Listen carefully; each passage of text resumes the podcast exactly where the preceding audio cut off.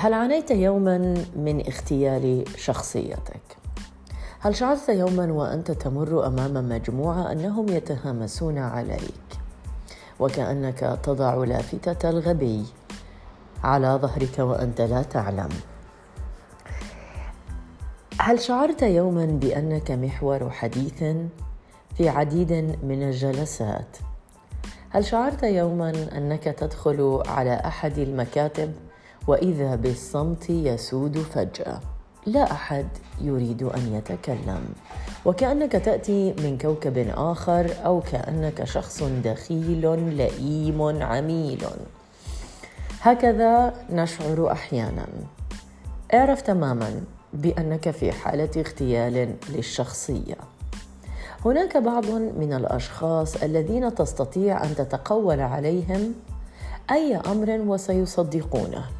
أنا من هذا النوع من الأشخاص. إذا جئت وقلت هذه السيدة تقوم بهذا وهذا وهذا فإن بعض الأشخاص سيقولون فعلا هو يبدو عليها بأنها قد تقوم بذلك. اغتيال الشخصيه هو آفة اجتماعية يقوم بها الضعفاء ممن لا يستطيعون النيل منك أو من سمعتك أو من أخلاقك أو أدائك.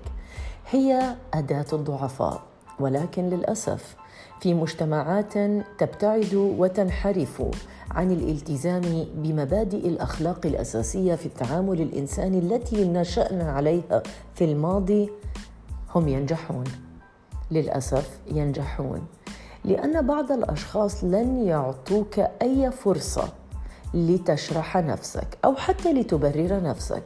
أحيانا تشعر بمشاعر غريبة من الامتعاض أحيانا تصل إلى حد عدم حبك وكراهيتك.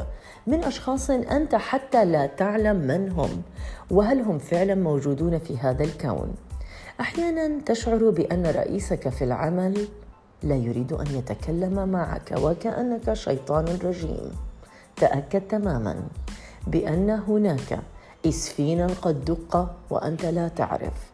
أن هناك شخص حاول اغتيال شخصيتك يحاولون أن يبحثون عن أشخاص ليكونوا منظمين في لجان شؤون الموظفين.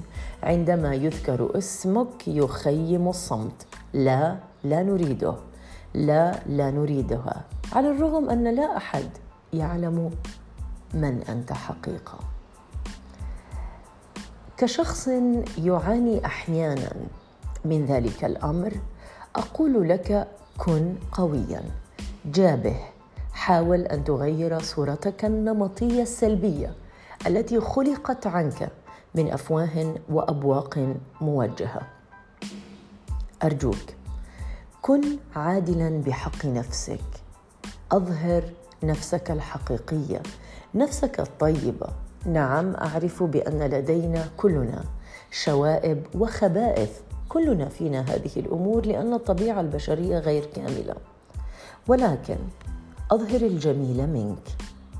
دائما حتى لأولئك الذين يحاولون أن يحطموك. صباح الخير.